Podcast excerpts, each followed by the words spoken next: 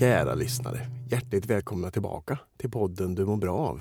Insikter från utsikter med mig, Malte Hallqvist. Vi har kommit fram till det 116 avsnittet och eh, vi får i det här avsnittet träffa en av mina idoler, Bengt Alsterlind. Säger jag att jag är från Värmland så är inte det helt ovanligt att folk säger chip till mig. Det är ett ord som man aldrig använder förutom när man kopplar ihop Bengt Alsterlind, Hike Värmland. Bengt tar emot mig i sitt lekrum. Tänk så fantastiskt att få komma hem till sin idol och få och sitta i hans lekrum och prata och fråga om saker som jag är supernyfiken på. Riktigt lyxigt. Så här kommer avsnitt 116 av Insikter från utsikter med Bengt Alsterlind. Bengt Alsterlind är prästsonen från Kil som redan som 24-åring blev upptäckt av SVT. Han har gjort mängder av produktioner och tv-program. Men det är programmet Hike som har gjort honom folkkär. Han har lärt oss hur man viker en t-shirt, hur man konstruerar den perfekta draken och hur man gör en säckpipa av en plastkasse och en blockflöjt. Var kommer alla dessa idéer ifrån? Hur blev han kommunpolitiker? Och varför är det viktigt att kunna säga till sin chef att han ska dra åt helvete? Detta och väldigt mycket mer kommer här. Men först, hur Högboda stationshus hamnade på västkusten.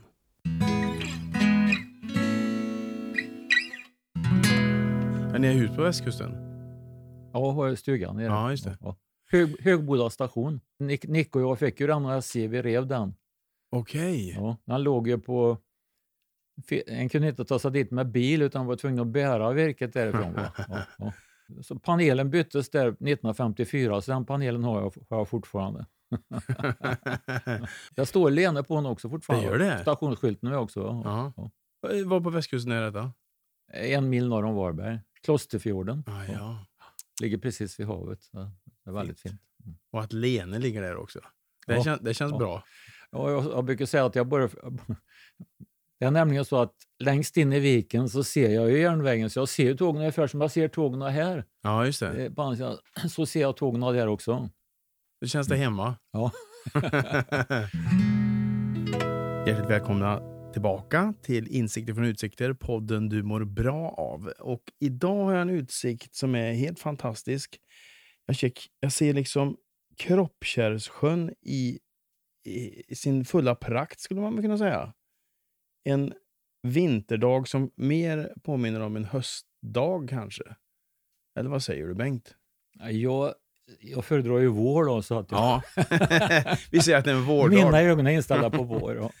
Ja, jag håller med dig. Det, det är bättre att tänka så. Sitter hemma hos Bengt Alsterlind. En legend verkligen i tv-branschen. Får man säga så? ja, du får säga vad du vill.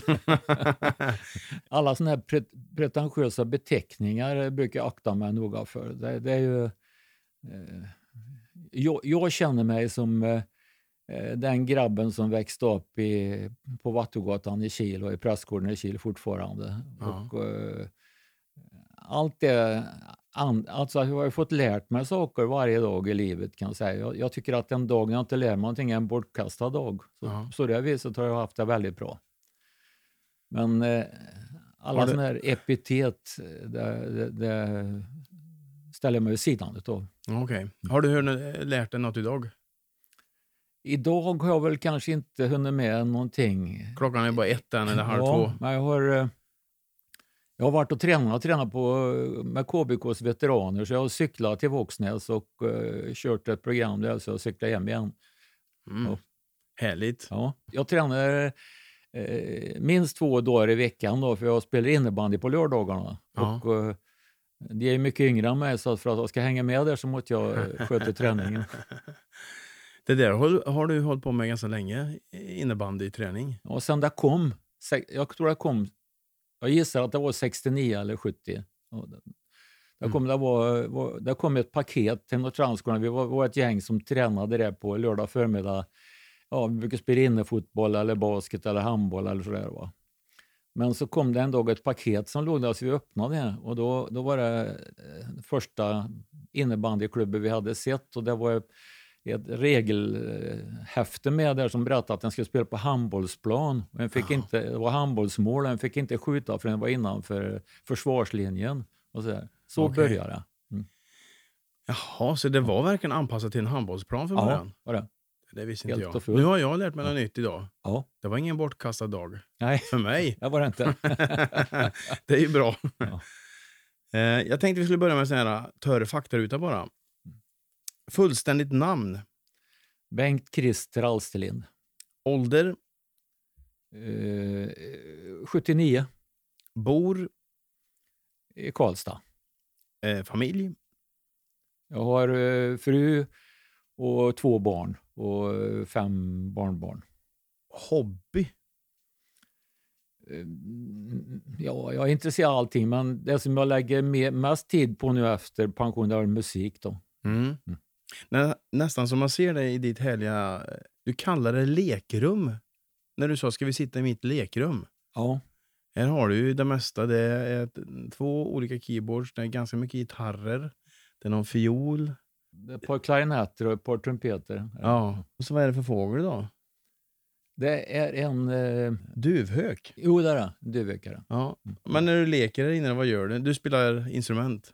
Ja, jag gör Ja. det. Och, och, och, eh, ja, jag gör ju mycket annat också. Ja. Det, det, det är ju, att jag kallar det för lekrum det beror på att när jag jobbade så var det ju i början av min karriär så var det ju, jag gjorde hike då, så var det ju så att jag var tvungen att prova alla grejer som om jag ska lära någon att bygga en drake så måste den ju kunna det så bra så att den kan förutse vilka problem de som ska flyga draken kommer att få. Så att, att de kan, kan tipsa dem om hur de undviker dem. ja, då det. var jag ju tvungen att vara ute och då var det ju någon på jobbet som sa, eh, vad jag frågade efter mig. Då svarade jag att jag, Alsterlind, fan han är bara ute och leker hela dagarna. Ja. Ja. Men det är nog din nyfikenhet som, som driver dig till detta, tror jag. ja, kan hända. Eh, Det är ju så tydligt tycker jag när man dels träffar dig eh, privat så här och även när man ser det på tv att du är en nyfiken liten kille. Eller inte så liten heller, du är en nyfiken kille. Ja, jo, det är jag väl. Mm. Tycker det är kul att lära mig nya saker. Äter helst. Vad sa du? Äter helst. Ja, vad äter jag helst? Jag, jag tror att eh, jag, jag, jag gillar falukorv och potatismos Mm. med rödbetor och kanske rårivna morötter. Det gillar jag väldigt. Rödbetor till falukorv. Ja. Och se- senap förstås. Ja, Ja, ja. ser jag själv- Självklart. Jag håller med dig. ja. Ja. Men annars gillar jag väl att, eh, nästan all mat. Det är, Maj gör lasagne som är väldigt god, som jag gillar. Också. Ja. Dricker helst. Jag dricker helst öl. Ja. Vatten, vatten naturligtvis är- dricker jag mest. Men jag dricker gärna öl också. Ja. Till, och det gör man till falukorv och rödbetor? Absolut. Oj, vilken kombo. Ja. Det är liksom hela kostcirkeln inringad. Ja, Mm. Jag tänkte vi tar det från början. Vi, alltså vi, vi har ju lite gemensamma, gemensam start. Och Jag är ju fortfarande kvar i Kil, men du kommer ju från Kil från början. absolut. Vattugatan. Ja. Och sen så bodde du i prästgården, för din pappa var präst. Han var präst. Han var kommunister då. Vi bodde på Vattugatan 14, kommunisterboställe. Och sen flyttade vi till prästgården och eh, då blev han kyrkoherde. då. Mm. Och hur länge bodde du i Kil? Eh, jag var 17 tror jag när jag flyttade. Ja. Och då flyttade du in till Karlstad? Ja. Eller? Mm. ja. Gymnasiet då förstås, eller vad var det som gjorde att du flyttade? Eh, det var att jag kom in på lärarutbildning på seminariet. Just ja, det gjorde du så tidigt ja. Ja. Mm. För visst var det så att du sökte dispens för att du inte var 18? ja, Och sen så var dispensen var eh, egentligen bara för de som var för gamla? överåriga ja, var det. Ja, ja. Men jag fick inte dispens då. Nej, Så nej. att, så att, så att, men jag fick ju söka in då det året jag skulle fylla 18 då. mm. Men Varför ville du bli lärare? ja, jag, min farfar var lärare och, Ja. och två fastrar var lärare. Och eh, ja, jag, jag, jag, jag, jag, jag tyckte att, att det kanske fanns en del att göra där när det gäller lärare. Mm. Jag, jag tyckte inte att eh, alla lärare var jättebra. Nej, vad tänkte du att du skulle bidra med? Jag, jag tyckte att väldigt mycket av utbildning, det fanns ju bra lärare. Jag hade en, jag hade en fantastiskt bra skollärare som hette Leon Jonsson som eh, eh, var kantor i Kil och som jag, som jag gillar väldigt. Ja. Och, eh, Varför var han bra? Han var bra därför att han, han insåg att om man förklarar hur någonting fungerar så måste en öva på det sen för att den ska göra det till sin egen kunskap. Mm. Och, eh, men tyvärr så tog han inte så... När jag hade varit, gjort läromedel då, det gick ju väldigt bra för mig när jag kom till Stockholm och eh, vi gjorde ju läromedel till hela högsta, det nya högstadiet då. Det var det började med. Och, eh, vi hade utprovning i skolor och grejer och så att jag, jag såg att det fungerade väldigt bra och då träffade jag honom vid något tillfälle och sa jag att jag, pedagogiken har jag lärt mig av dig. Jag Mm. liksom, "Jaha, vad menar han vadå? Och, jo, det var ju så att du gick igenom ett räknesätt i matematiken och så, så vi visste hur vi skulle göra och sen så fick vi ett antal exempel som vi skulle räkna. Själv drog du ut eh, lådan på katedern och fortsatte att läsa en deckare. Ja. Och, och, och, och precis så anser jag att det ska gå till. En är med och övervakar, då, men det är ju den egna träningen Mm. som, som är avgörande för, för allt det som ja, räkning, läsning och så vidare, eh, skrivning. Allt, allt det som en färdighet, det är inte bara intellektuellt utan det är en färdighet som måste övas. Mm. Mm. Det ska sitta i kroppen. Ja, Mm. man ska, man ska lära sig utan till. Alltså de som har läst tyska, det, Anna och Finterin och så vidare, det, det kan läsa det automatiskt. Mm. Och då har det kommit in. Och idag när jag är ute och spelar så brukar jag fråga, eh, kan vi, kan vi sjunga allsång? Ja, skriker då allihop. Mm. Liksom, va? Och då har jag lärt mig att ta en känd skådespelare från Skåre som numera är död att eh, du ska inte fråga det för att sen nästa fråga det är vad ska vi ta då? Ja. Ja. Har du inga papper med dig? Då går det inte. Nej. Nej. Nej, det är ju det med allsång. Att, eh, man behöver ha lite papper. Men har ni det när ni är ute? Så Nej, ni... absolut inte. Nej, utan, okej. utan det är så att Absolut inte. Nej, jag, jag, jag berättade nämligen för dem att det är ju så att kunskapen finns hos dem fast de litar inte på den. Och då, då säger jag så att eftersom jag vet att vår publik är mellan 50 och döden så satsar jag på att gå igenom alla låtar som varit populära under eran uppväxt. Mm. Och så tryckte jag på datorn och fick fram den som var vanligast, den som ni allihop kan. Och den tar vi nu. Och sen byter vi helt enkelt melodi på den. Vi sjunger När det våras ibland bergen Mm. och sen sjunger När det våras ibland bergen får jag komma till dig då. Alltså, förstår du? Ja, ja, man tar samma text fast på nya. Ja, när det våras ibland bergen får jag komma till dig då. Alltså, vi helt enkelt har ett antal melodier vi Ja. sjunger samma text på. Det är ju oerhört smart. Ja, det är i alla fall fungerande. Ja. Och då när de Ja, har men- gjort, när de har sjungit fem låtar då, då, då brukar det vara så att eh, då, då kan en ta eh, ja, Hasse Andersson sen och hans hits eller någonting för att då törs de sjunga det också. Ja, ja. För det kan det mesta. Mm. Det är ju du och så är det Ingvar Carlsson från... Ja. Ni har ju ett fantastiskt... Alltså ifrån eh, Ing, Sven-Ingvars. Sven-Ingvars, ja. Mm.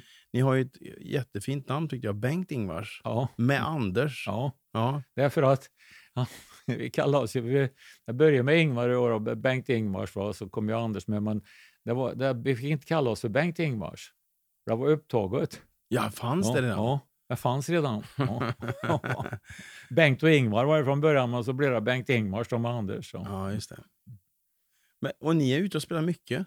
Vi har varit ute väldigt mycket under ja, åtta år tror jag. Ja.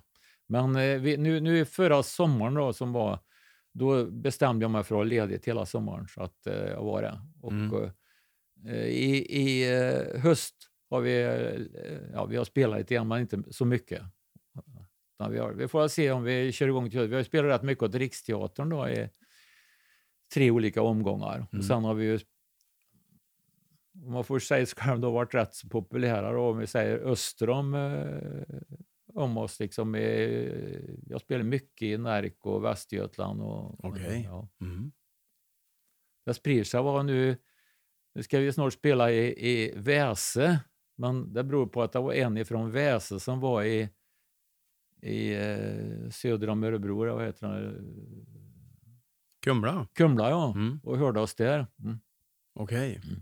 Ja, men det är ju så man får spelningar. Ja. Att man sköter sig. Ja. Och att eh, de som har hört går hem Men det är, ju, det, är ju, det är ju väldigt enkel musik alltså och uh, opretentiös. Men spelar du trumpet då, eller vad? Nej, jag sjunger mest då. Ja. Så, jag, lite kompgitarr, lite trumpet och så. Ja. Mm. Mysigt. Jag får komma och lyssna på det ju. Ja, vi har, kan Nej. få spela lite för det här sen så behöver du inte komma. du vill inte ha mig i publiken? Jo, du får gärna komma. Det är inte det, men... Mm. Ja, men du är ju en pedagog. Eh, det märks också väldigt tydligt. Både nyfikenheten och pedagogen. Ja, kanske. Ja. Ja, det tror jag. Mm. Jag tror det är en stor, eh, en stor ingrediens i Hikes framgång. Just det där att, att du smittade med nyfikenhet eh, och att du la fram saker pedagogiskt. Man ville ju se Hike för att man lärde sig saker. Jo, men sen, sen var en annan sak som jag inte ska glömma att, att jag har ju alltid gillat att jag inte, jag inte gillat att förbereda mig mer än lagom och jag, Okej. jag, jag, jag har alltid velat göra allting som det vore direktsändning, om, även om inte det har varit direktsändning.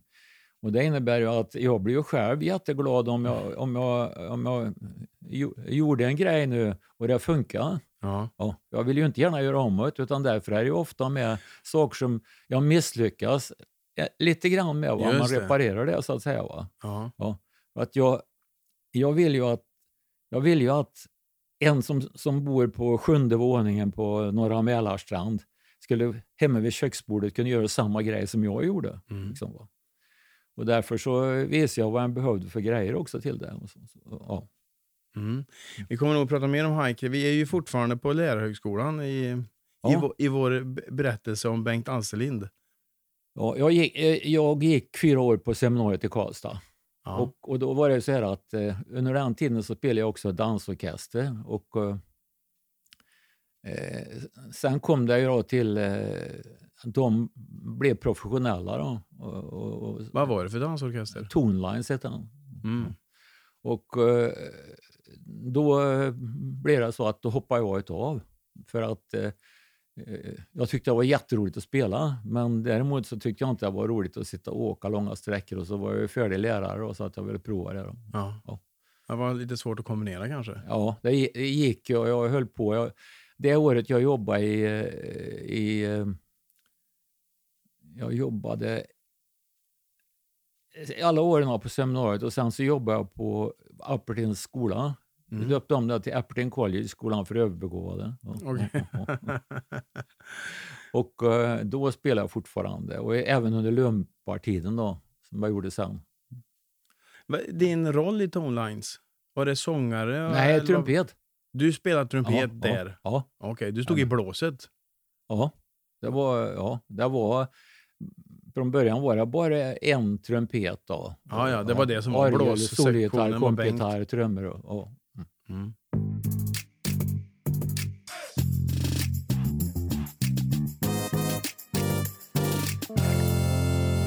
Sponsorsnack. På Bergvik har de verkligen både och. En hantel. Och en superhjältemantel, En ny kavaj. buffé och thai, En ny frisyr. cupcakes med glasyr. Ja. Här på Bergvik. Finns det verkligen både och.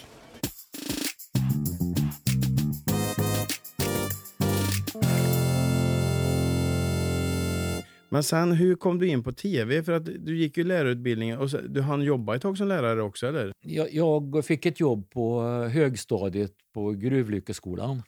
Där fick jag ett jobb som lärare i eh, kemi och biologi. Mm.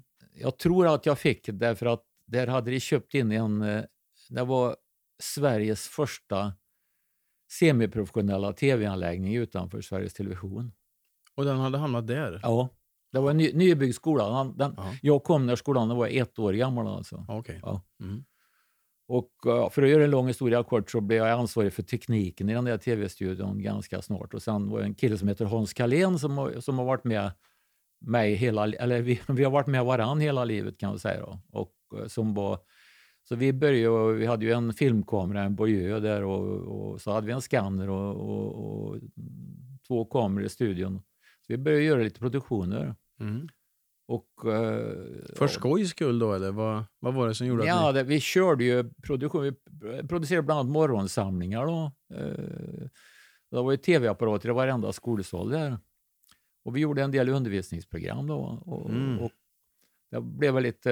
Det var någon som var nere och tittade där. Det var eh, blev Karlstad kommun under GRIP heter han i efternamn. Det blev ett pedagogiskt utvecklingsblock i Karlstad. Och då, då började de eh, samarbete med eh, Utbildningsradion, bland annat. Okej. Och, eh, Så fick de nys om er då, eller? Vad sa du? Och så fick de nys om er, eller? Ja, vi blev, vi blev indragna. Första jobbet som jag skulle göra åt dem, det var det, på det vis jag kom in på Sveriges Radio. Det var eh, ett, Revolutioner som förändrat världen. Var ett arbetsområde för årskurs 7. Mm. Och eh, då, då, då blev det så att eh, det skulle ingå, vi skulle stå för den upplägget så att säga, och, och den skriftliga delen och så skulle en radio och en tv-producent från Stockholm göra eh, tv och radioprogram till.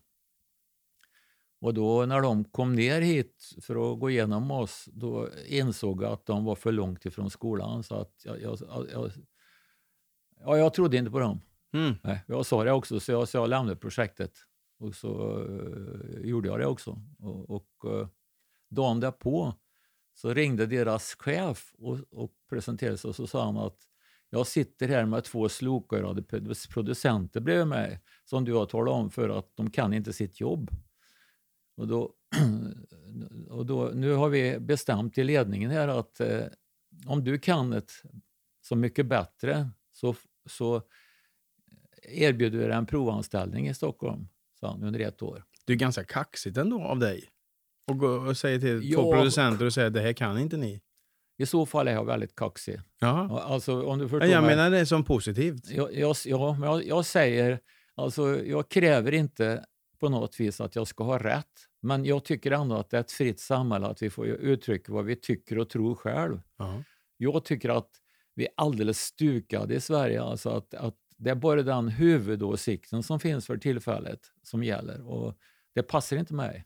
Nej. Och därför jag kan ju säga det med en gång, därför har jag inte sökt mig till den kommersiella marknaden. Jag har haft många fina erbjudanden, men, men jag har inte gjort det därför att jag vill, jag vill kunna be min chef dra åt helvete om jag tycker att det är fel. Alltså. Mm. Men kan man inte det då i kommersiella sammanhang? Ja, ja, det, där är ju bildigt uttryckt, men en kan, en kan motsätta sig och säga nej till saker. Ja. Och så sen ibland har en varit tvungen att gjort saker i, i, i, i, i alla fall. Mm. Men den kan ju ändå reservera sig mot det och framförallt har jag inte i programproduktionen så har jag ju inte behövt rätta mig efter någon mall. Va?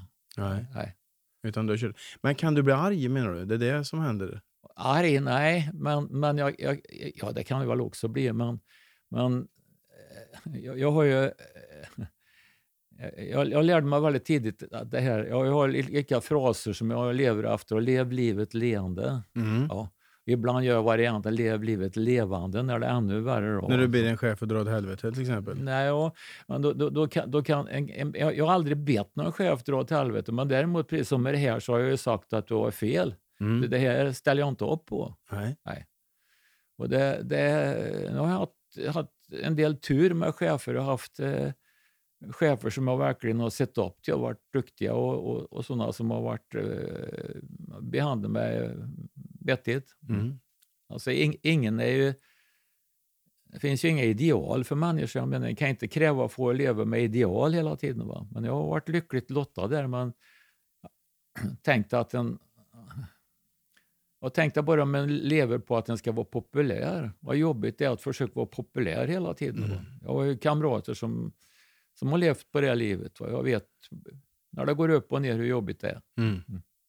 Och då hade jag just fått ett jobb på en eh, ny skola i Karlstad, Rudskolan, som, som hade, hade satsat, som den här GRIP och rektor på, som hade satsat på ännu bättre utrustning för tv-studio och grejer. Så, jag, så då när jag, eh, när jag skulle eh, ta ledigt då så blev inte det så bra för dem. va. Men, men skoldirektör Kaldén, som jag fortfarande håller räkning, han, han sa det att eh, ja, jag tycker satsa på det ett år sedan. Då får jag jobbet kvar här. Mm. Och jag Bra, hade också bra bestämt, chef. jag hade också begärt att jag skulle få jobba hemifrån så mycket som möjligt. Mm. Men då, då blev det ett... Det gick väldigt bra, så att, eh, att bara efter ett halvår tror jag så var jag blev jag något som de kallar för produktplanerare på samhällssektorn där för alla sådana projekt. Då. Och I det ingick också religionskunskap. va. Mm. Men du producerade en massa pedagogiska, peda- pedagogiskt material. Ja, radioprogram, eh, tv-program och häftesmaterial. Då. Mm. Mm. Och sen så, så hade jag ett tjänsterum på radion här då. Och eh, eh, då kom Ulf Schenkmanis en dag till kaffet.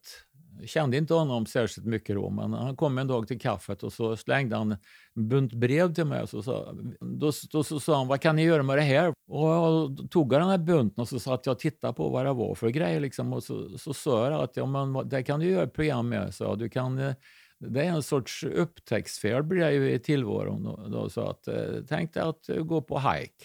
Mm. Och eh, så började han att göra programmet. Och, men det slog inte, slog inte för honom. Nej. Mm. Nej. Och eh, efter ett år då blev jag tillfrågad om inte jag ville prova. Och då jobbade jag i Stockholm. Men då, då eh, kom det kom en chef som hette Axel Breitholtz. Det var han, den chefen som, som hade suttit med det här slokörade Ah. producenterna i Stockholm. Mhm. Han blev chef i Karlstad. Okej. Ja. Och han var det som lockade mig tillbaka till Karlstad. Ja, ja. Ja. Och eh, ja, då gjorde jag det under förutsättning. Men han var, var en väldigt klok, generös och bra chef.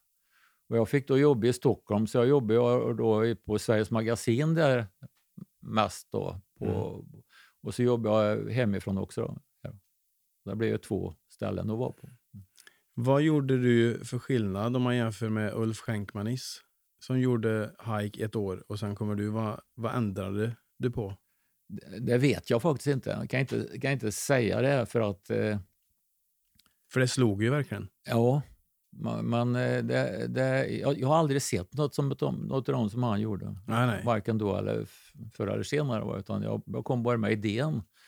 Och så la jag ju in det här då att, att, att det skulle vara helfestligt, allmänbildande, jätteintressant, kunskapsorienterat. Mm. För det är, en balans när jag ska... eh, Men får några som ska lära någonting så, så gäller det ju att, att när den ser att blicken börjar dö, då, är det ju, då, då blir det för sent. Va? Mm. Utan det, det gäller ju att den går framåt med lagom steg så att de hänger med Mm. och tycker det är kul och sen efteråt säger oj, nu kan jag det här. Ja. Mm. Ja, jag, jag vet inte om du sett men hur en viker en t-shirt. Alltså jag tycker det två, tar två sekunder så lär den sig det att det ser omöjligt ut och sen så kan den det plötsligt alltså eh, en halv minut senare. Va? Då Mm. tänker jag, oj, vad va, va, vad enkelt. Lite grann som du tänker att man ska lära sig något nytt varje dag. Och just det där att lära sig något nytt Mm. är ju väldigt livsbejakande. Ja, det är det. En blir, en blir glad utav Ja. att oj, nu kan jag detta. Ja. Och sen höll du på med detta i 30 år. Drygt va? Ja. 71 till 2003 om jag inte Ja. har läst på fel. Ja, det är säkert rätt. Mm. Du gjorde ju väldigt mycket grejer, uppfann saker. Eh, Något jag minns väl är ju att du gjorde en säckpipa av en Ja. Konsumkasse och en blockflöjt. Ja. Mm. Jag blir ju lite nyfiken, hur kommer man på idén att nu ska jag göra en säckpipa?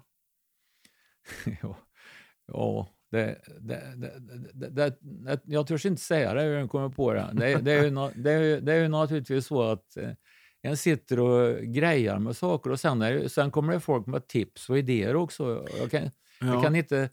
Det, det är alltså, jag säger aldrig, har du hittat på det själv? Ja, jag- jag säger att det vet jag inte, för att, att annars... Jag, jag, jag, jag hittade på nämligen en, en sån här sked med hål i. Ja. Men när jag, när jag visade det på tv så var det tre stycken som hörde av sig skrivit och sa att de som hade hittat på det.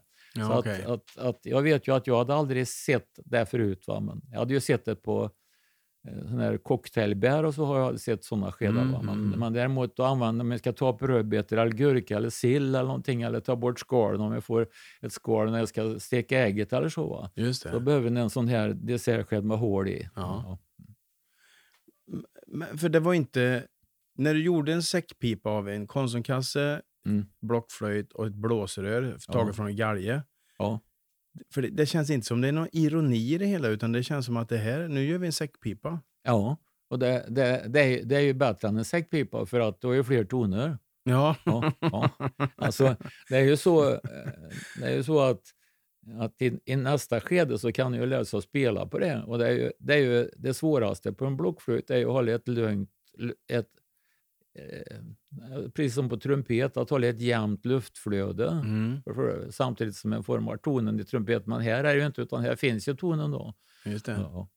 Och, och så, eh, så, och det är inte så dumt. Jag hade ju, för att ta musikinstrument, vi hade ju ett år när vi gjorde eh, musikinstrument eh, i varje program. Vi gjorde, istället för att göra såna här piper som en täljer till, till då, va, så gjorde, tog vi ett elrör och, eh, och, och, och så, gjorde en dragflöjt. Då. Mm. Eh, Ja, och det, det, det är också ett instrument som vi spelar melodier på. Då, och Mm. Vi gjorde en, eh, vad heter den nu då, en, en, en harpa. Mm. harpa. Ja. Och det var en fotograf som gjorde den åt mig. En, en, han hette Eskil Forsell, han var egentligen fiolspelare i Haga.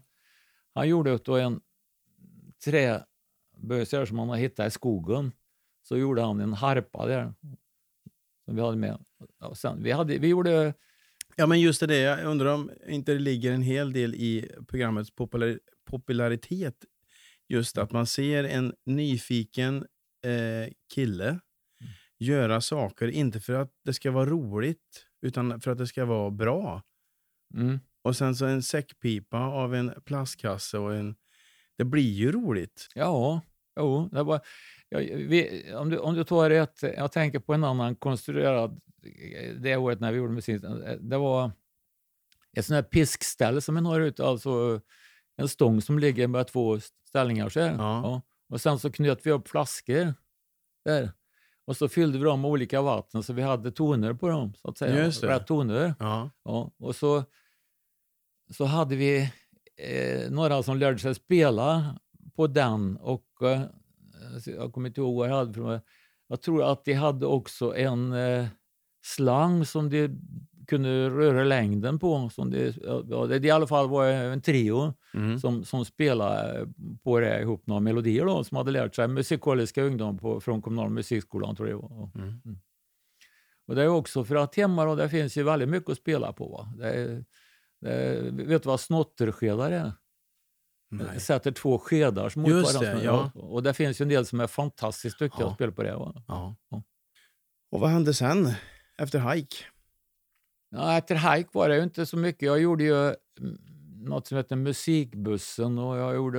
Ja, jag gjorde- Videotips från Veboa, vill jag minnas. Vi, det, videotips som vi gjorde, vi, det gick ju väldigt bra. Det gick ju för bra. Ja. Så vad då för bra? Jo, det var ju Stockholm retade sig på det så fruktansvärt. Ja, Jaså? Ja, visst, det gick alldeles för bra. Ja. Så la de ner det då, eller vad då? Ja, de ville inte att vi skulle fortsätta. Vi gjorde det väl i ja, tre eller fyra, kanske fem år. Jag kommer inte ihåg. Men, men, men eh, det, var ju, det var ju ett sätt att lära ut eh, hur en gjorde olika filmtrick. Och Mm. samtidigt så var det att sortera i...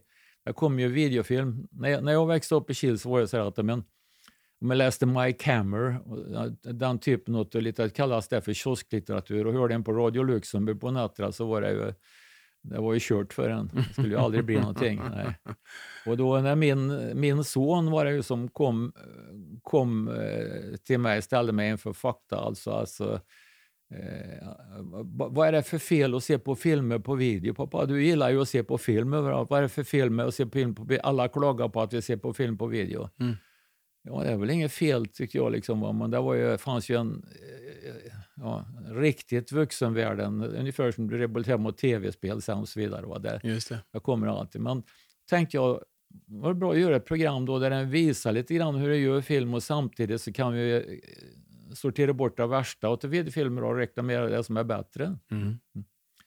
det Och så var ju fick det- du hjälp eh, med vignetten, va? Ulf Malmros. Ja, Ulf Malmros. Han var ju inte mer än, jag tror han var 16 år då. Ja. Hur hade du lärt känna han? Han, han, han hade lämnat in ett, ett eh, manus till Sveriges Television. En, vi hade en chef då tillfället som hette Kjell Forsting som har tagit med sig det till Stockholm som hette Kunskapens kapell. Mm. Han var trött på skolan tror jag. Ja, Och eh, han ville göra film. Och då var det så här att eh, när han fick det, igenom det här projektet så eh, erbjöd mig att bli passare på den filmen. Därför att jag räknade med att det var så många... Det är ju så här när en, när en kommer ung och har idéer så är det ju väldigt många äldre som sa att det har vi gjort förut, så ska du inte göra, du ska göra så här. Liksom? Mm. Och eh, jag ville vara med för att han skulle få göra som han ville. Och, och jag hade en kompis då som fotograferade åt honom, Öyvind Andersson, som, som verkligen, verkligen stöttade också honom då. Så det blev, blev, han gjorde ju det och, Mm. och då var han ju inte mer än, ja, han kanske var 16-17 år, jag kommer inte ihåg det. Men.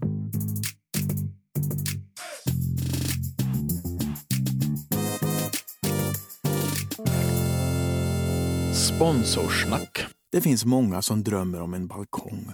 En inglasad alltså. Där man kan sitta och leka sommar fast det är tidig vår eller sen höst. Det är ute fast det är ändå inne liksom. Man behöver inte fundera på om det regnar eller är kallt ute. man går ut ändå. För bor man i en lägenhet så kan det ju vara lite instängt och dagar man är lite seg eller inte känner sig riktigt helt frisk så kan man ändå lätt komma ut och få lite frisk luft. Balko heter ett gäng som skapar såna här ytor. Balko stavas med C förresten.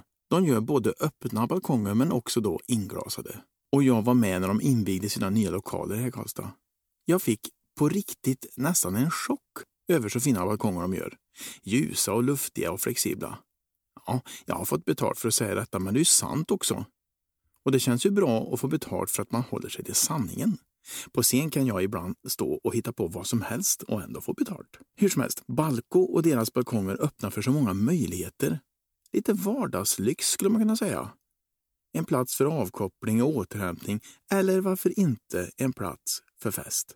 Ta kontakt med din hyresvärd eller din bostadsrättsförening och tillsammans går ni in på balko.se och se hur ni kan lösa detta. Balkongen i gränslandet mellan ute och inne.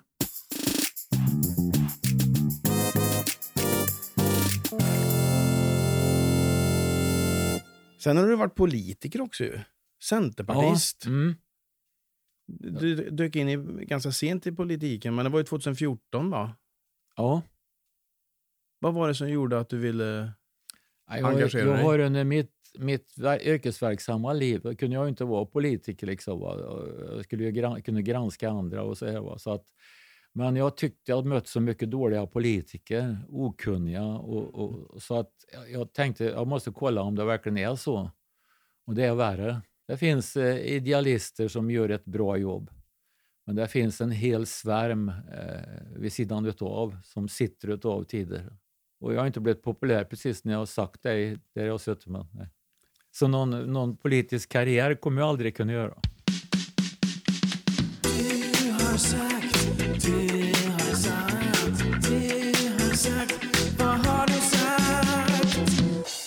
Vad var det du sa? I min podd så har jag ett litet avsnitt som heter Du har sagt. Ja. Så jag har samlat på mig lite citat från eh, Bengt Alsterlind. Mm. Så ska du få... Du får helt enkelt ge dem lite mer kött på benen. Ja. Jag räknar med att bli 130 år. Ja. Ja. ja, utgångspunkten är ju det att det, det är ju eh, sikta på stjärnorna så når du trädtopparna. Mm. Ja. För du ser ju eh, oerhört fräsch ut. Ja, det vet jag inte. Men, jag- men jo, jag, men det, Ja, ja. det tycker jag. Ja, jag, det, det, jag åldras ju också som alla andra. Ja, det tror jag. Men, men eh, ja, jag, jag, jag, det gäller att sikta högt för att nå någonstans. Mm. Men du är 80 år, du spelar innebandy, du tränar. Eh, Ja. jag ser ingen hörapparat, du har inga glasögon. Nej, men jag har ju, så jag får ju säga va ibland. Men det är, Jo, jo. det är min hörapparat. Ja. Den funkar ju. Ja. Ja. alla borde bo i Stockholm en stund. Ja, tycker jag. Ja, förklara. Jo, det, det finns en eh, övertro på att eh, folk i storstäder, ungefär som eh, hon som var moderatledare, hon, hon, när hon var ungdomspolitiker, vad heter hon nu då? Kindberg Batra. Ja, Mm. Så sa ju hon att, eh, att jag har uttryckt sig så att det var ju dummare på landet. Mm, det liksom. där har hon fått äta upp många gånger. Ja, men, ja, hon ja, sa det. ja. Men tyvärr så är det ju så att, att, eh, att jag har ju märkt att, att min tid så är det många, många som säger att nej, det kan inte vi, det, det måste vi fråga om i Stockholm. Alltså, och, och, det, det har irriterat mig länge. Då, då, då, därför tycker jag att det var väldigt bra att jag fick eh, komma till Stockholm och göra karriär där så att jag kunde åka hem igen sen och Mm. eh, veta hur det fungerar i Stockholm. Och, Att de inte, det finns de som är bättre och de som är sämre där. Absolut. Mm. Det är som eh, Folk i Esvalla. En kan lika gärna, ja, kan lika gärna åka till Uddevalla eller Arvika. Ja. Jag tycker att sex är viktigt. ja, alltså sex är ju så, så eh, ombundet med, med så mycket hysch och, och så där, men, men det, är, det betyder ju närhet. Mm. Och det är ju det alltså att eh, det, jag tror det är viktigt att hålla närheten, den, den intimiteten mellan människor om det ska hålla ett livslångt liv ut. Mm. Det tror jag är väldigt viktigt. Mm. Och det är ju, eh, sex är ju en primär drift. Det är ju precis som äta och, och, och sova. Det är lika viktigt. Mm. Men eh, det är ingen som, ingen om man pratar om hur mycket en sover så är det ingen som tycker att det är konstigt. Men om man börjar prata om att en har ett sexbehov då kan det bli konstigt. Och, Mm. och tänk vad konstigt vi har gjort det. En kan, en kan, även om jag förstår varför, men det är ju ändå väldigt, väldigt konstigt att, att det finns någonting som man får sälja i Sverige, men man får inte köpa det. Mm. Jag menar, det vore rimligt att förbjuda bägge delarna, tycker jag. Tycker det var, Men sex är ju också så privat. Det är väl därför det blir lite hysch-hysch. ja. Alltså äta mat och motionera så där. Mm. Det gör man ju i stora grupper och ja, med varandra. Men ja, kan man väl göra med sex också, men det är väl inte jättevanligt. Nej. I alla fall inte i mitt liv. Nej, nej inte mitt heller. Nej, nej. Det är ju en väldig skillnad på att, att, att behöva tala om, ja, om du förstår mig. Jag menar, det finns ju en del som måste tala om. Att, eh, jag tänker på när jag låg i, i lumpen, så var det, då sattes det ju upp eh, pornografiska bilder. Och, och, och jag kommer så väl ihåg, det var några som hade sex i en fyra, fyra vad heter det, fyra, fyra Laban var fyra, eh, någon sån här liten skåpbild ty, typ. Liksom, va? Ja, okej. ja. Mm. Jag kommer ihåg äh, grabbarna där var ja, det var så här liksom.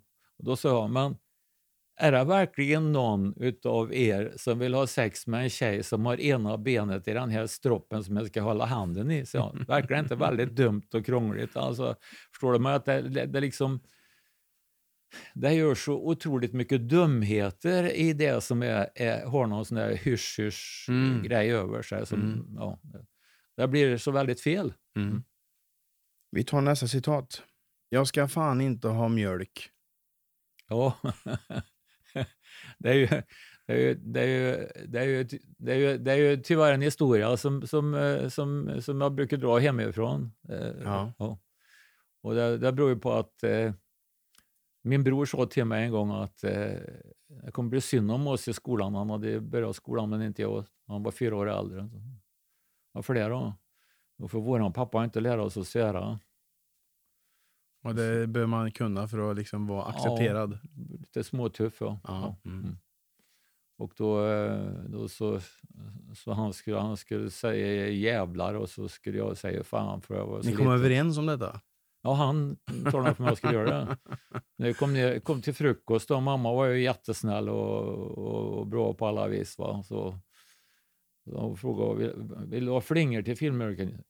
Jag ska jädrar inte ha några flingor till filmjölken. Och då åkte han ju på en, eh, ja han fick väl inte örfilm och drog kanske hår eller någonting och sen så körde hon iväg upp för alla trapporna i prästgården och in på hans rum där liksom. Va? Nu kan du stanna där tills du har lärt dig prata liksom. Va? Mm. Det blev en väldig uppståndelse för mig som jag, jag kanske var sex år eller någonting då.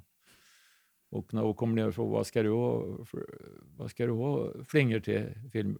Och då stod jag Jag ska fan inte ha, ha, ha flingor. Han då klappade mig på huvudet och skrattade. Mm. För det, du trodde att det var flingorna som var det farliga, Ja, inte svordomen. ja, nej. En fantastisk historia tycker jag. Ja, jag visste inte vad svordom var. Jag tittar alltid framåt. Ja, jag försöker göra det. Det är farligt annars om man både cyklar och kör bil och går och så, Ja. inte gör det. Men du gillar inte nostalgi? Nej, Nej. ja, nostalgi. Jag säger det, men alltså, jag, jag är intresserad av det jag ska göra framåt, Ja. inte det jag gjorde sist. Men nostalgi är jag väl intresserad av, för jag spelar ju bara musik som är mellan, för de som är mellan 50 och Ja, 30. just det. Ja, Det är ju en typ av nostalgi, ja helt det är klart. väl en typ av nostalgi. Ja, Ja. Nej, men din riktning är framåt. ja Har det absolut. alltid varit så? Och jag vet faktiskt ingenting annat. eh, Nej, då har det nog varit så. Ja. Chip? ja. Jag, jag utgick från att det skulle vara någonting som låg gott i mun. Ja. Ja. Och eh, i, att jag gjorde det överhuvudtaget det berodde på att Per-Erik Nordqvist, han, han hade en, eh, vad tror jag, var en släkting från Stockholm som eh, han hade som prao eller pryo eller vad det hette, en sån där halvgammal. Eh, och han var popmusiker från Stockholm, han var i, någonstans i tonåren. Mm. Och eh, då var han med, vi gjorde en eh, högmässa direkt sen från Sunnemo med hästar och grejer. Det fanns ju ingen el där och så det var rolig, väldigt rolig grej. Och då på vägen hem då så satt vi och pratade om hans musicerande och sa att om du tycker att ni är bra, alltså försök komma med i något tv-program så för att om, det, om, du, om ni är duktiga så slår det direkt. Det kan slå väldigt, väldigt. Alltså. Mm. Men han tyckte, ah, tv, vet du, vi spelar i ungdomsskolan runt Stockholm och så här, och lite häftigare.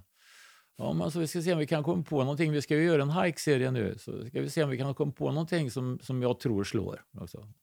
Ja, så var det. Och sen så eh, jo- gjorde vi... Och, det Men det, det är du som har konstruerat ordet? Jajamän, ja. Mm. Mm.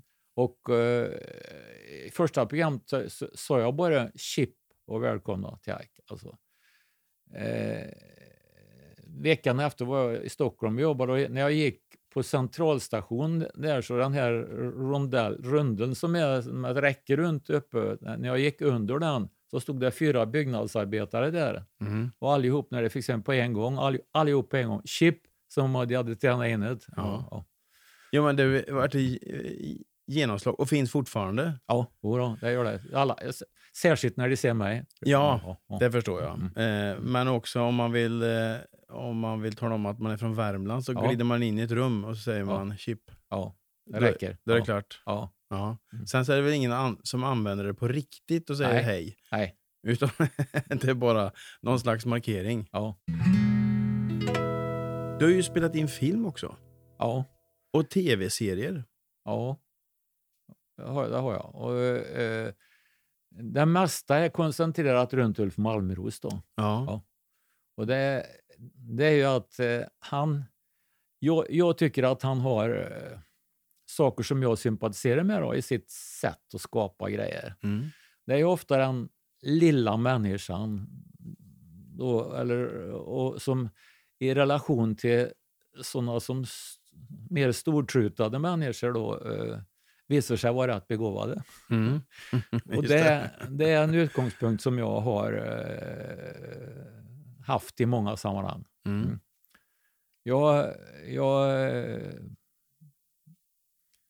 jag, jag brukar berätta, eh, jag ska illustrera det som jag tycker att han har. Det, det, när jag, jag jobbade som redaktionssekreterare på Sveriges Magasin som var det största programmet i, i Stockholm på den tiden när jag jobbade där, med Gunnar Arvidsson och Anders-Erik Malm som programledare. Och eh, då blev vi inbjudna eh, utav någon sån här eh, eh, förening eller någonting sånt till, till Café Opera på, på lunch för att de skulle berätta om sin satsning på inför julen. Mm. Och då hade jag eh, Sten Karlqvist, han som har skrivit Sommar, sommar, hans fru, Mhm. hon, hon jobbar på den redaktionen, hon var en eh, eh, mycket snygg eh, blondin. Och, så jag bad henne att hon skulle gå dit och ta reda på vad de ville. Ja. Men så kom den där dagen i alla fall när hon skulle iväg och så, och så sa men har du inte tid, det tar bara en timme, kan du inte hänga på Bengt, du ska väl käka lunch ändå? Okej, jag hänger på då, så. Det kom ju hon då, snygg i päls och grejer så vi kom in på Café Opera och jag kom i träskor och en gammal skinnjacka på mig och uh, bakom henne. Och, uh, uh, de tog emot henne där och hälsade på henne och, och, ja, du vet hur det är liksom. Mm. Och, så, och så vände hon sig om och sa, här är min chef Bengt Alsterlind, han är med också. Så, så, så liksom, va. Och jaha, jaha, välkommen. Alltså, men det är det, det, det är som att döma en hund efter håren. Va? Mm. Om du förstår mig. Det, Mm. det är han, jag tänker på den här begravningsentreprenören, den här filmen som jag älskar. Så, han som tog Sommarbarn, vet du, den sista Ja, sommaren. just det. Mm. Jag vet, som ju var en, naturligtvis en som eh, säkert fick ta mycket glåpord och en Coop, som vi säger i Värmland. Mm. Ja. Mm. Eh, Och, och, och sen så visade det vilket hjärta han hade. Va? Och, fan, Mm. Jag blir rörd när jag tänker på det. Alltså, Ja. jag, jag, jag gillar sånt. Va? Och han har verkligen satt mm, pricken där han ska sitta på, på många ställen. Mm. Jag tycker han har varit jätteduktig. Och därför blir det lätt att säga ja till han förstås om han frågar dig. Jag vill gärna vara med när han gör någonting för jag litar helt på honom också att han använder det som jag kan. Ja. Ja. Det var ju tråkigt om en, en var med och gjorde någonting som jag fick ångra sen. Ja. Ja. Ja, för i Ack Värmland så spelar ju du och Lotta nå- är grannarna. Som Ja. är, de tycker också som du att sex är viktigt, men det är ju är, det är några varv till man har skruvat på den Ja. klockan så att säga. Ja, det, det, det, det, upplösningen är ju rolig. Det, det, är ju, det är ju nämligen, visar sig nämligen att hon är präst och jag är kantor och vi är syskon. Just det, det har jag faktiskt glömt. Ja, så, så ja. Ja, Det, det är ju att är ju, han har ju skruvat det rätt riktigt under hela resans gång. ja där, verkligen. Ja. Det, sånt njuter jag utav. Jag, Ja. jag, jag tycker det är helt underbart. Ja. Han har inte glömt att han kommer från Molkom. Nej. Han har ju ett företaget Molkom också. Liksom. Mm. Det, Mm. och det, det har jag aldrig glömt heller, att det kommer från Kil. Det ska inte jag glömma heller. Nej. Vad det är med det? Det är en, det är, det är, om jag står, om jag, står om jag, om jag börjar få divalater och försöker tro att det är någonting, då är det väldigt lätt att slå i kalen. Mm. Men om, jag- om en står på backen hela tiden och inte behöver högre upp, för det räcker. Mm. Det handlar väl lite om självkänsla det där. Att man, Ja. dug, att man duger som man är. Ja. Och mår bra som man är. Mm. Mina damer och herrar, det har äntligen blivit dags, inte bara för mitt och Maltes favoritmoment här i programmet i podcasten, utan jag gissar för er allas. Det har blivit dags för Tombolan! Så Bengt, då har du en tombola framför dig. Vad i- trevligt. Ja, jag hoppas det. I där så ligger lite existentiella frågor. Så nu står den en bit bort från dig, så att du får sträcka dig och veva lite och så dra några stycken. Det är bra ljud. Ta en hög med dig där du. Ja, då är det, fast den är i taket så det betyder att den ska du ta tror jag. Oj. Ja, det var fint. Ja, kul. Det var, ju- var ju annorlunda grepp. Jag tänkte du skulle, du som, jag tänker på hike, du gillar ju grejer och att det är... Ja, verkligen. ja. Trevligt. Vad längtar du efter? Ja, det, det som jag längtar efter nu det är att jag ska få åka till Sälen och åka skidor. Mhm. Ja. När sticker ni? Vecka åtta. Ja, det är ju snart. Ja, det är snart. Men jag fick... Jag fick Är det du och Maj eller är Ja. ni ett större gäng? Det är jag och Maj. Ja. Men jag fick eh, reda på att jag kunde åka i förrgår. Så det var nyligen. Det har jag längtat efter nu. Jag, Är det därför du gillar vår förresten? Jag tänkte på maj. Ja, det gör jag absolut. det, här har jag, jag brukar göra ett spår på sjön här. Åka skidor? Ja, nästan Ja. fem kilometer. Och Jag, Ja. jag, jag kunde åka två gånger i år. Ja. Jag kom snö ett par gånger. Ska vi se då. Vad är framgång för dig? Framgång, det är att jag, det som jag vill göra, att det går att göra det och att jag kan försörja mig på det. Mm. För det är också viktigt. Så framgång kan till exempel vara att en får igång en motorcykel eller en gräsklippare som har stått, som varit trasig på något vis. Mm. Mm. Berätta om något du varit rädd för, men ändå gjort. Ja, rädd i ögonblicket har väl varit, jag stod på Eh, det- det var, jag fick ta på mig en overall vid ett tillfälle på såna här flygdagar på flygfältet. Mm. Och eh, då hade två kompisar till mig bestämt att jag skulle göra ett eh, wingstand. Och då eh, när jag, när, när jag tog på mig overallen så tänkte jag väl så här, men det här kanske är... Eh, eh. Men så, så visste jag att det var Oskar Nilsson som skulle flyga. Och eh, han är en, var en väldigt god kompis till mig. Och jag tänkte han utsätter inte mig för någon fara. Och, eh, Men du skulle ändå stå på en vinge? Ja, en står mitt eh, mellan vingarna kan jag säga, står den. Och, eh, och sen, eh, ja, så gjorde jag det där i alla fall och dessutom så flög han upp och ner och så med mig. Så att, eh, eh, men eh, just i ögonblicket där alltså, när jag tog på mig overallen då och, och, och började förstå vart det lutade åt, då, då tänkte jag väl, är det här klokt alltså? Var det slut på lappar? Ja, jag kan ta en till. Ja, men ta, ta det. Ska vi se då, det blir spännande. Vad Mm. kul det är. Vad skulle du vilja ställa för fråga till dig själv?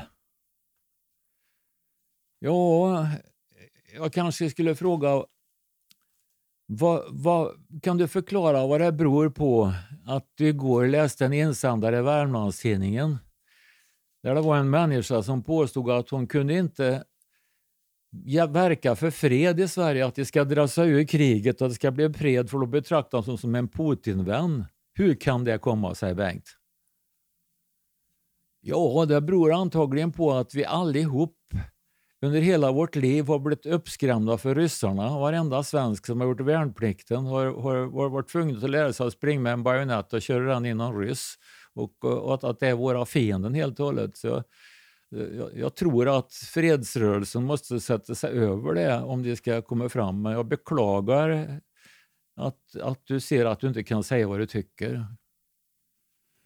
Det, det, jag förstod inte riktigt det, Bengt. Jo, det var, det var en insändare i Värmlandstidningen igår. Ja, Ja. jo, men det var jag med på. Men vad, vad, vad tycker du? Jag, jag tycker att det borde vara helt rimligt att fredsrörelsen skulle kunna propagera för fred. Ja, Att de skulle lägga ner vapen. ja. Men eh, hon menar på att det kan man inte göra för att eh, då blir man betraktad som en Putinvän. Att man stödjer Putin istället. Och jag tror att det är så. Jag tror inte att det är någon som vill för att då ska man ju bli motståndare till att man skulle skicka vapen till Ukraina. Mm. Det, det är ju ett vä- väldigt svårt dilemma. Berätta om ett ögonblick du skulle vilja uppleva igen. Ja, det, det tror jag att jag, jag har ett. Det är när jag kom till den första skolan som provade våra läromedel. Jag gjorde läromedel. Vi hade ju tio högstadieskolor i Sverige som, som eh, var med i sån här utprovning åt läromedlen. Mm.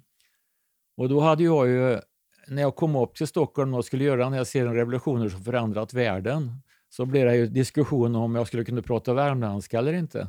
Mm. Och då blev jag ju skickad till en talpedagog och någon annan som skulle avgöra eh, ja, hur, hur det lät när jag pratade helt enkelt. Så det tog, togs upp i, i styrelsen på utbildningsförlaget för att det, där pratade man rikssvenska. Mm. Och jag hade sagt till dem att om inte jag kan prata som jag vill själv, då eh, anställer jag en skådis som läser in texterna då i så fall. Mm. Men då när, när det här kom resultatet då så var utlånat att jag hade en utmärkt mikrofonröst och, och det var inga problem. Mm. Men när jag kom då så spelade jag in det här radioprogrammet och så kom jag till den här första skolan och då var det ju ett helt gäng från Utbildningsradion som var med så att säga. Va? Och eh, när jag presenterade mig, det presenterar sig ju alla ihop och när jag kom, ja hej jag heter Bengt Alsterlind och gör den här serien Revolutioner som förändrat världen skrek de allihop. Ja, ja. Jag kände igen rösten direkt. Direkt. Ja. Mm. Det var ett underbart ögonblick eftersom det har varit så ifrågasatt då så länge. Mm. Ja. Det lever lite i dig, det här, den lilla eh, grabben. Kampen mot de som eh, tror att de är bättre. Ja, det tror jag. Ja, men jag, jag hör ju det, alltså de här att man ska bo i Stockholm lite. Och, och för att förstå att man duger som man är. Eh, det går igen i ditt eh, politiska engagemang också. Den lilla Sådana har så människan. Stor, ja. Ja, den de har lilla- så stora egon så att de tror att de kan eh, klara ut det. Och sen när de åker runt och tittar, om jag bara går i Värmland på hur vägarna sköts eller Mm. Skogen som ägs, Karlstad kommunala skogar sköts och så vidare, så ser en ju att eh, det räcker inte till. Mm. Mm. Vi stänger tombolan. Ja, vad trevligt med tombola. Tack Mm. för det. Ja, men vad roligt att Ja. du gillar den. Ja. Ja.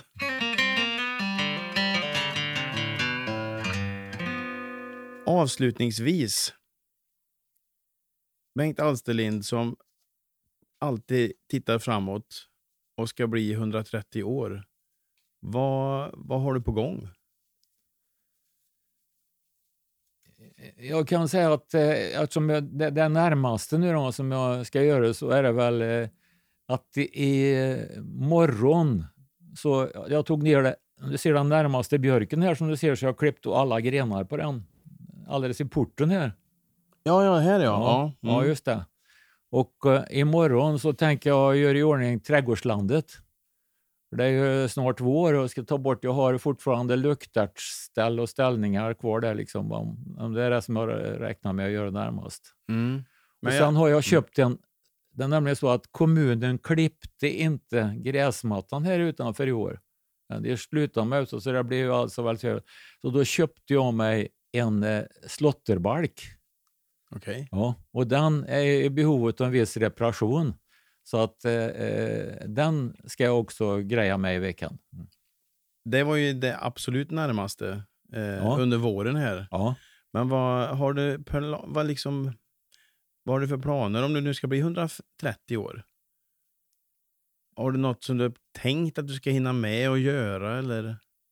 Är det någon film du ska spela in eller ska du göra något program eller? Nej, jag, jag, har, jag, har, jag, jag gör det som, eh, det som kommer eh, närmast. Det, det, jag har ju ett antal spelningar jag ska göra. Till exempel, jag, jag har ju ett antal eh, bandyspelningar och ett antal träningar. Jag har trädgård och hus och där har jag, jag ska göra i ordning i, i badrummet.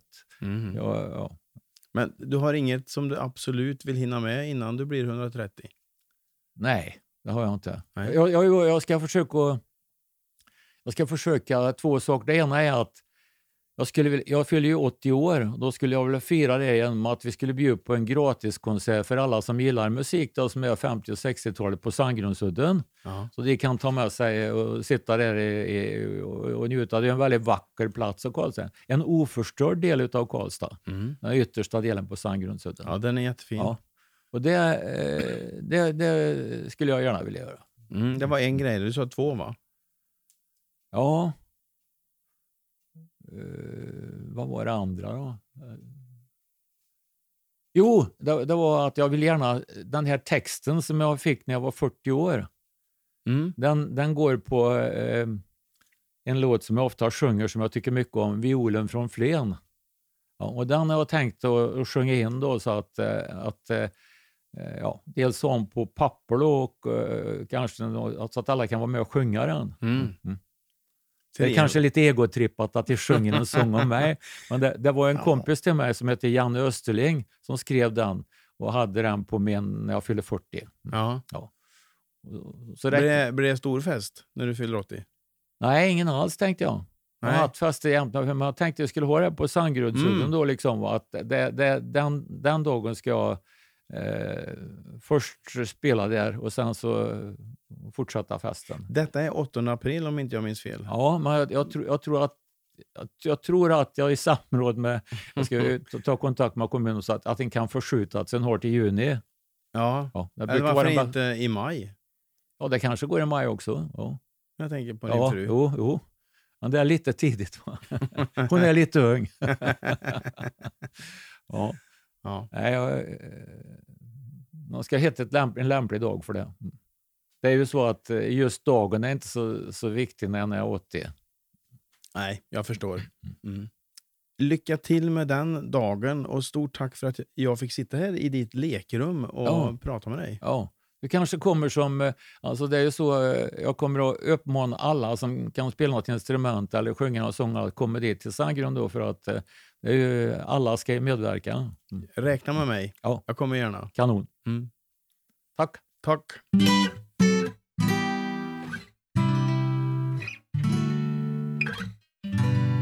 Det var Bengt Alsterlind det. Visst är det härligt med människor som är på riktigt. Nästa vecka ska vi också träffa en kille som verkligen är på riktigt. Skådespelaren Daniel Sjöberg gästar min podd och berättar bland annat det här med att få ihop frilansliv med familjeliv. Ett program som du kommer må väldigt bra av och som bjuder på lite överraskningar kan jag säga.